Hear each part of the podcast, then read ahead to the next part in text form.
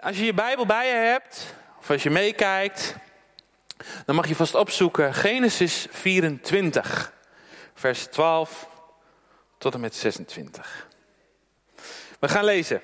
Genesis 24, vers 12.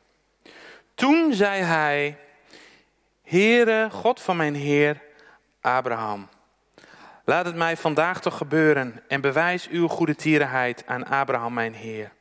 Zie, ik sta bij deze waterbron en de dochters van de mannen van de stad komen om water te putten. Laat het zo zijn dat het meisje tegen wie ik zeg, laat toch de kruik van uw schouder zakken, zodat ik kan drinken. En dat zal zeggen, drink, en ik zal uw kamelen te drinken geven, dat zij het meisje is dat voor uw dienaar Isaac bestemd is. Daaraan zal ik dan weten dat u mijn Heer goede tierenheid bewezen hebt.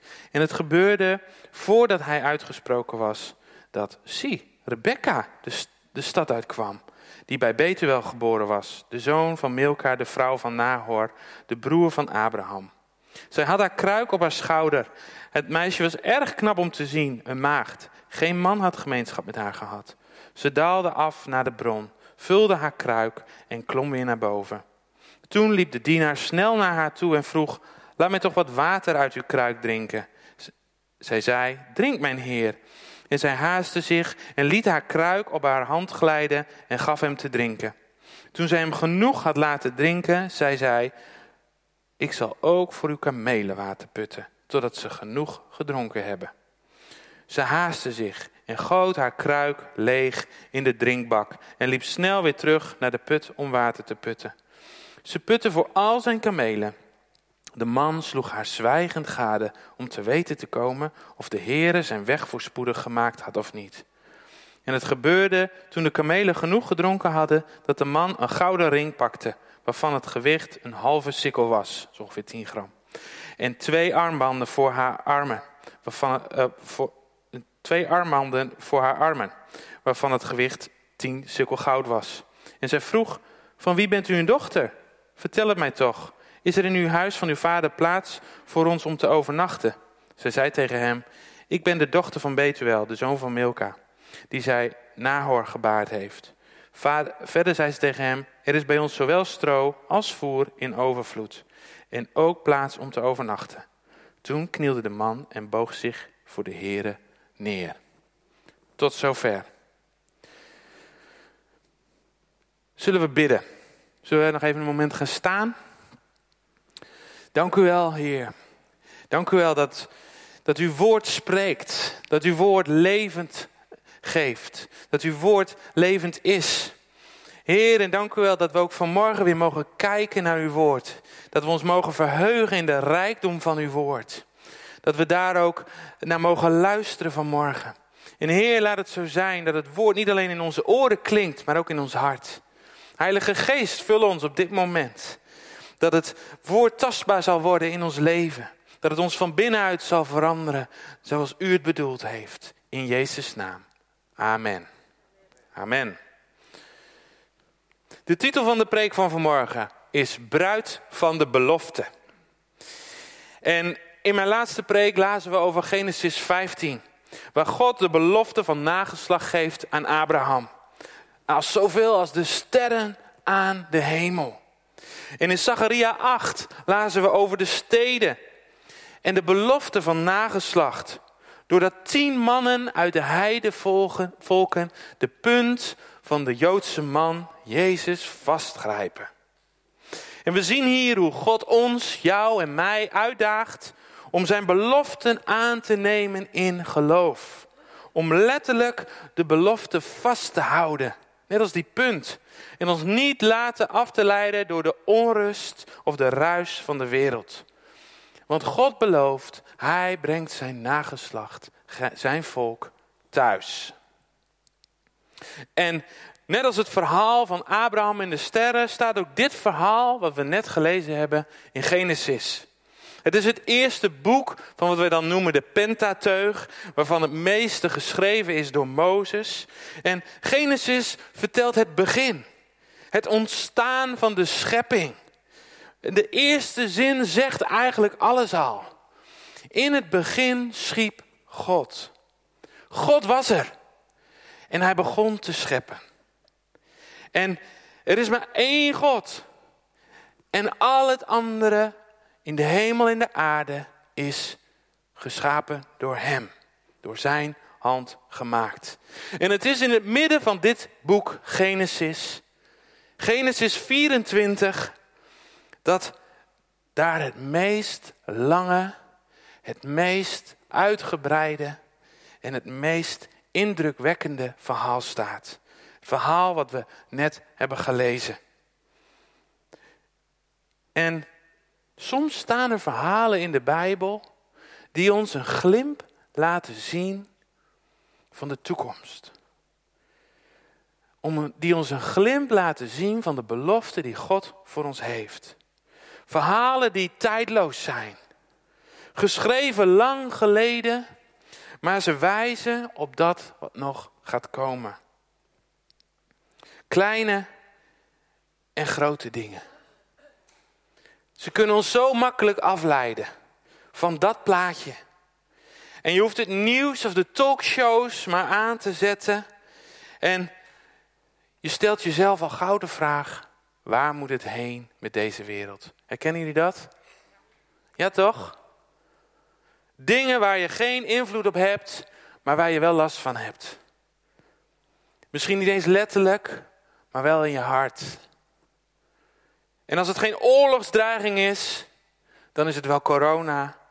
En als het geen schade is door aardbevingen, dan is het wel de onzekerheid of de gaskraan weer open gaat.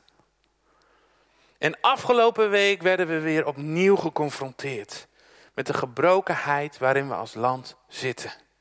Door alles wat er gebeurd is rondom de Voice of Holland. Wie heeft het meegekregen? Ja. Ja, en dan stel je jezelf de vraag, hoe moet je hier nou vanuit hemels perspectief naar kijken? Hoe kunnen we hier nou vanuit Gods perspectief naar kijken? Naar deze gebrokenheid. Want we leven in een land waarin we kunnen denken, waarin we denken dat we zelf wel kunnen bepalen hoe we om kunnen gaan met seksualiteit. Dat we God en zijn woord niet meer nodig hebben om ons leven richting te geven. Als het gaat om zaken als het huwelijk en seksualiteit. In onze samenleving is hier volledig de weg in kwijt. En als er iets is wat de vijand gebruikt om levens kapot te maken, dan is dat seksualiteit. Daders en slachtoffers, ze zijn voor hun leven verwond en beschadigd. Seksualiteit is samen met macht en geld een dodelijke cocktail die mensen naar de rand van de afgrond duwt. En we leven in een tijd waarin afkikklinieken vol zitten met mensen die verslaafd zijn aan porno, aan gokken, aan drugs. En ga zo maar door. Ja. En we moeten als kerk niet de illusie hebben dat dit bij ons niet speelt. Want dit geldt voor zowel christenen als niet-christenen.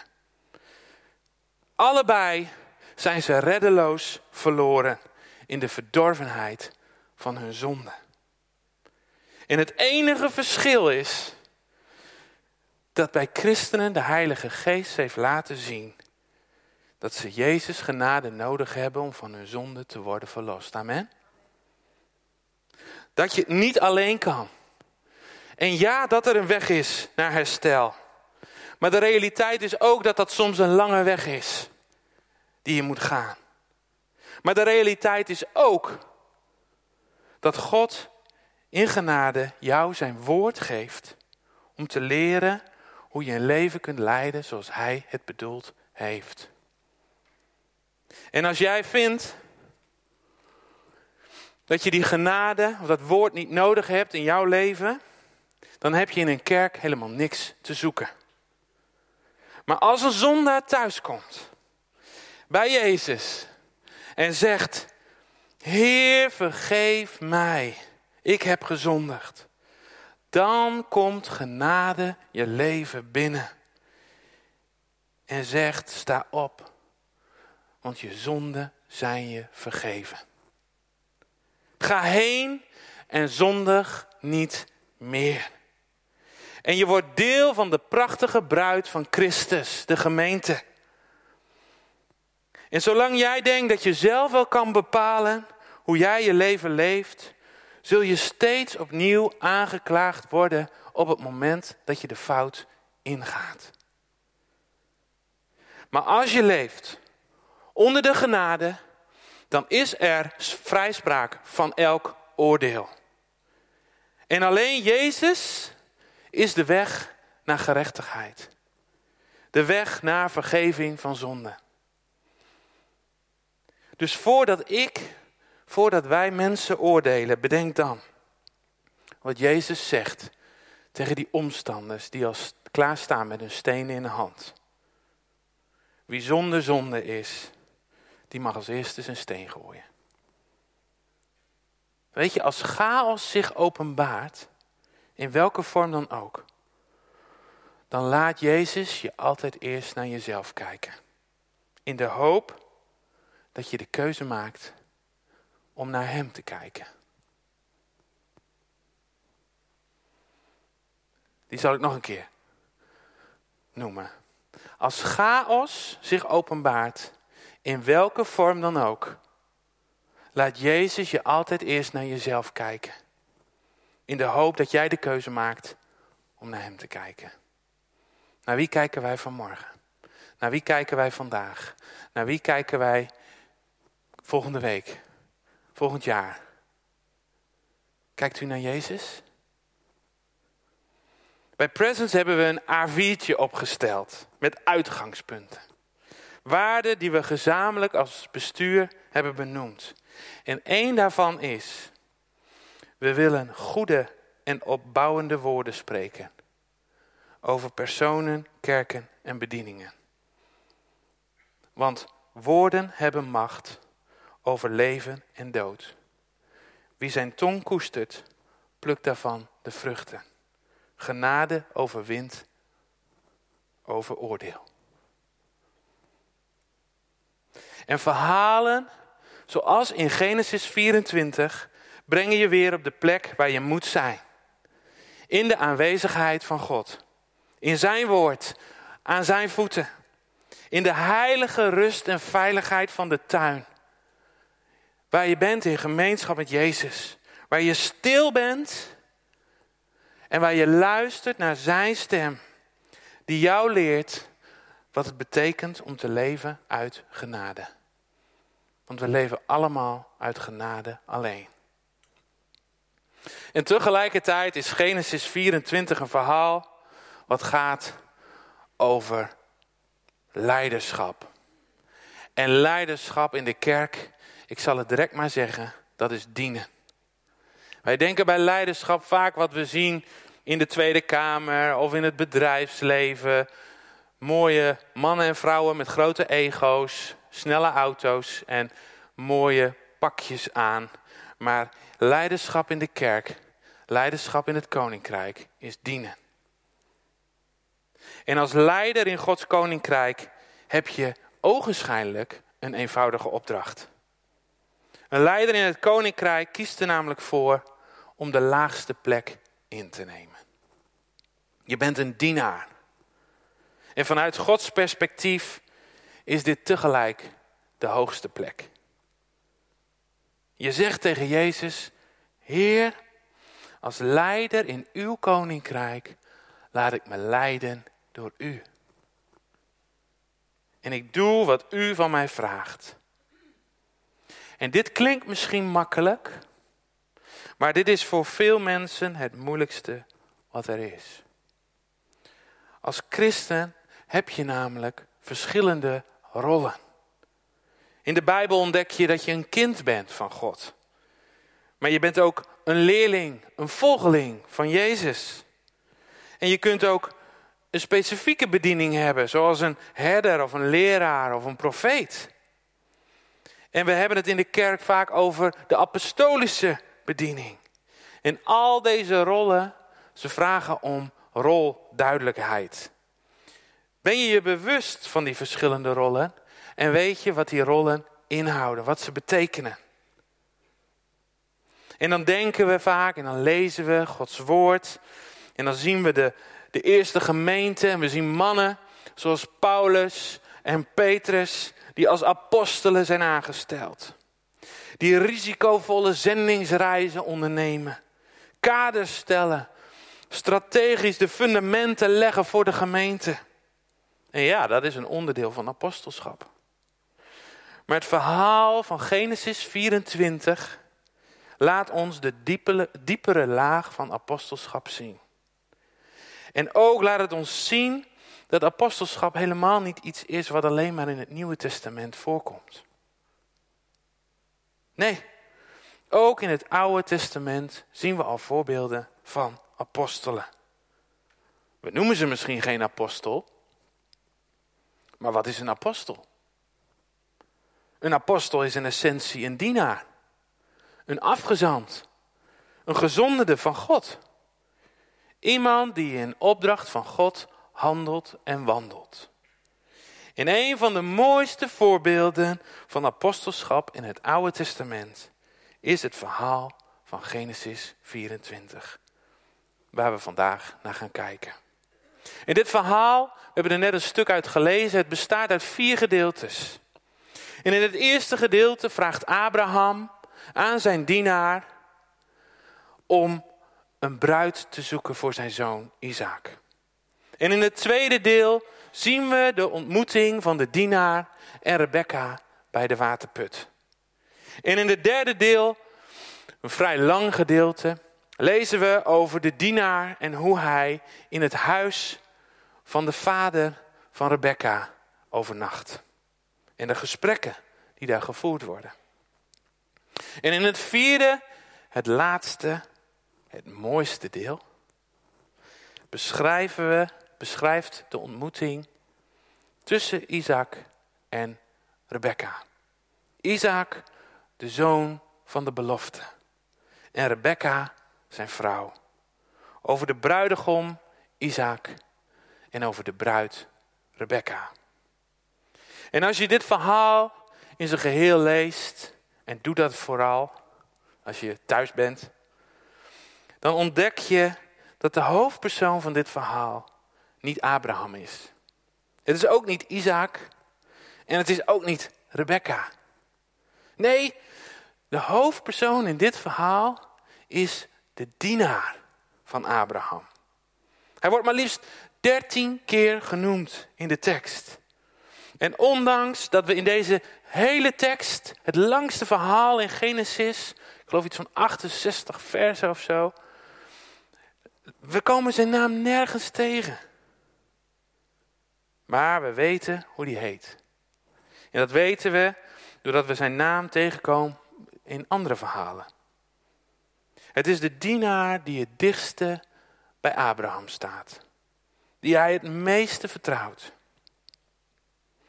En die hij als oudste dienaar het beheer van zijn hele bezit heeft gegeven. Alles wat hij heeft, wordt door hem beheerd. En zijn naam is Eliezer uit Damascus. Eliezer.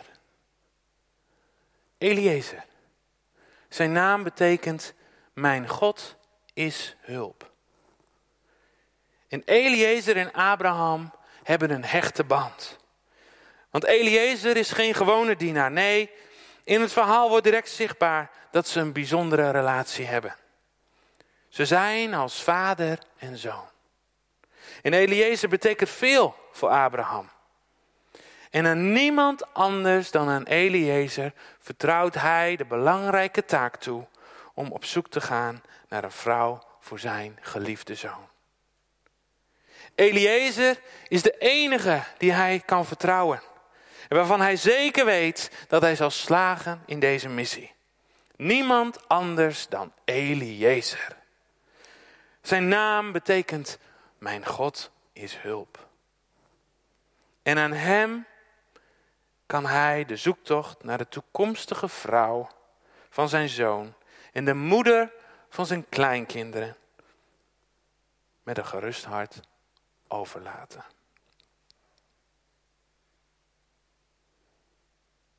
En Eliezer gaat op weg. En samen met een gevolg van tien kamelen, bepakt met geschenken, goud en zilver en allerlei andere dingen, staat er, maakt hij een reis van ruim duizend kilometer. Duizend kilometer. Wie gaat dus op vakantie naar Frankrijk? Nou, dan ga je met de auto, hè? Nou, dit ging op een kameel, lieve mensen. Duizend kilometer op een kameel. Ja. Want hij ging helemaal van het zuiderland. Dat ligt nog, dat ligt nog onder Judea. Helemaal naar Mesopotamië, naar het noorderland. Waar Abraham vandaan kwam. Naar Mesopotamië. Helemaal naar het noorden. En Eliezer, de dienaar, de bijzondere dienaar, hij gaat op zoek naar de bruid voor Isaac, de zoon van de belofte. En dit is precies wat Eliezer, maar dit is ook precies wat een apostel doet. Hij gaat in opdracht van de vader op zoek naar de bruid voor de zoon. En God belooft een engel voor hem uit te sturen, zodat hij zal slagen in zijn taak. Hij staat er niet alleen voor, maar God belooft hem te helpen. En na een lange reis komt Eliezer aan bij de waterput van Nahor. En we lezen helemaal niks over het verloop van die reis. Nou ja, niks. Eliezer zegt hier later één ding over, maar dat noem ik later nog wel. Het is aan, de, aan, het einde van de dag en Rebecca loopt met een kruik op, op haar schouder naar de waterput om water te putten. En Eliezer, nog voordat hij klaar is met God vragen om een teken, nog voordat hij daarmee klaar is, staat, ziet hij haar. Rebecca, een meisje. En de staat, ze is erg knap om te zien. Ze is prachtig. En hij spreekt haar aan. En het gaat precies zoals hij gebeden had. En Eliezer, hij is er stil van. Hij is er stil van. Hij heeft er geen woorden voor. Hij is sprakeloos. Hij heeft een lange reis gemaakt.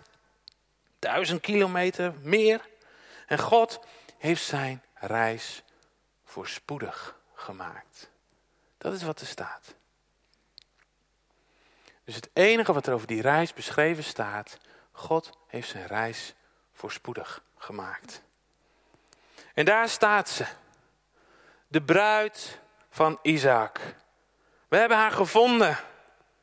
Er is geen twijfel. Hij weet het zeker. Dit is haar. En hij geeft haar een gouden ring en twee armbanden. En zij nodigt hem uit om mee te komen naar het huis van haar vader. En Eliezer vertelt aan de vader, de moeder en de broer van Rebecca zijn missie. Zijn missie die hij in opdracht van zijn heer Abraham heeft uitgevoerd. En hij vertelde hem over hoe de engel van de heer voor hem uitging. En hoe hij zijn reis volspoedig gemaakt heeft. En ze zijn allemaal onder de indruk van het verhaal van Eliezer. En ze zeggen, dit komt bij de Here vandaan. Dit komt bij de Here vandaan. En ze vragen haar, wil je mee terug? Wil je mee terug naar het zuiderland? En Rebecca zegt zonder aarzeling, ik zal meegaan. De Naderse vertaling zegt, ik ga mee. Die vind ik eigenlijk nog wel mooi. ik zal meegaan, zegt iets over, nou dat zal ik doen. Maar ik ga mee is, ik ga het nu doen. als uh, een van mijn jongens zegt, ja ik zal de badkamer schoonmaken. Ja, toch? Dan denk je, nou ja, het zal mooi zijn als het deze week nog gebeurt. Maar als hij zegt, ik ga de badkamer schoonmaken. Dan staat hij al met zijn ermen klaar, toch? Toch? Nee. En Rebecca, ze krijgt de zegen van haar familie mee. En ze gaat mee terug en maakt de lange reis naar Isaac.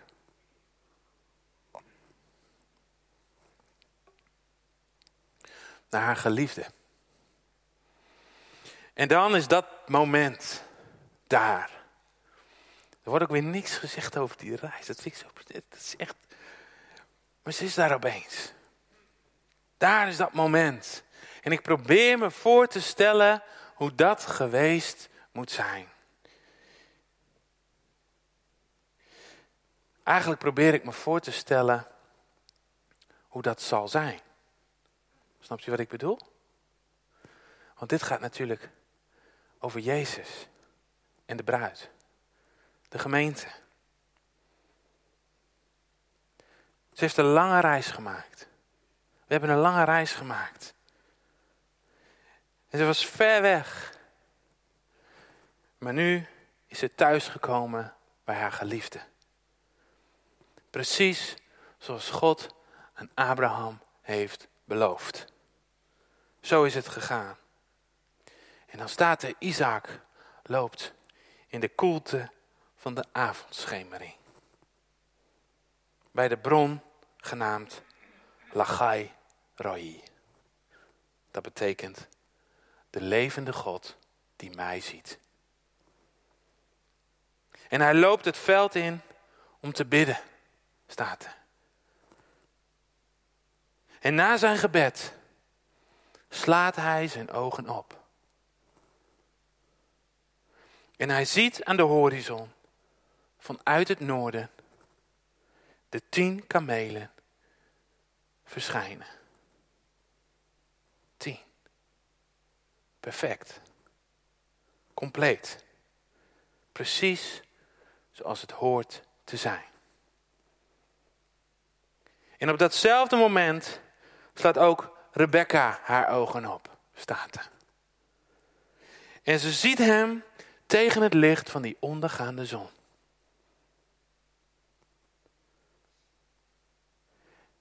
En hij loopt in haar richting. Staat, hij begint te lopen door het veld. In haar richting. En ze weet, dit is hem. En zij bedenkt zich niet en ze laat zich van haar kameel glijden, staat er. Terwijl ze aan de dienaar vraagt, wie is die man die ons in het veld tegemoet loopt? En de dienaar zegt, dat is hem.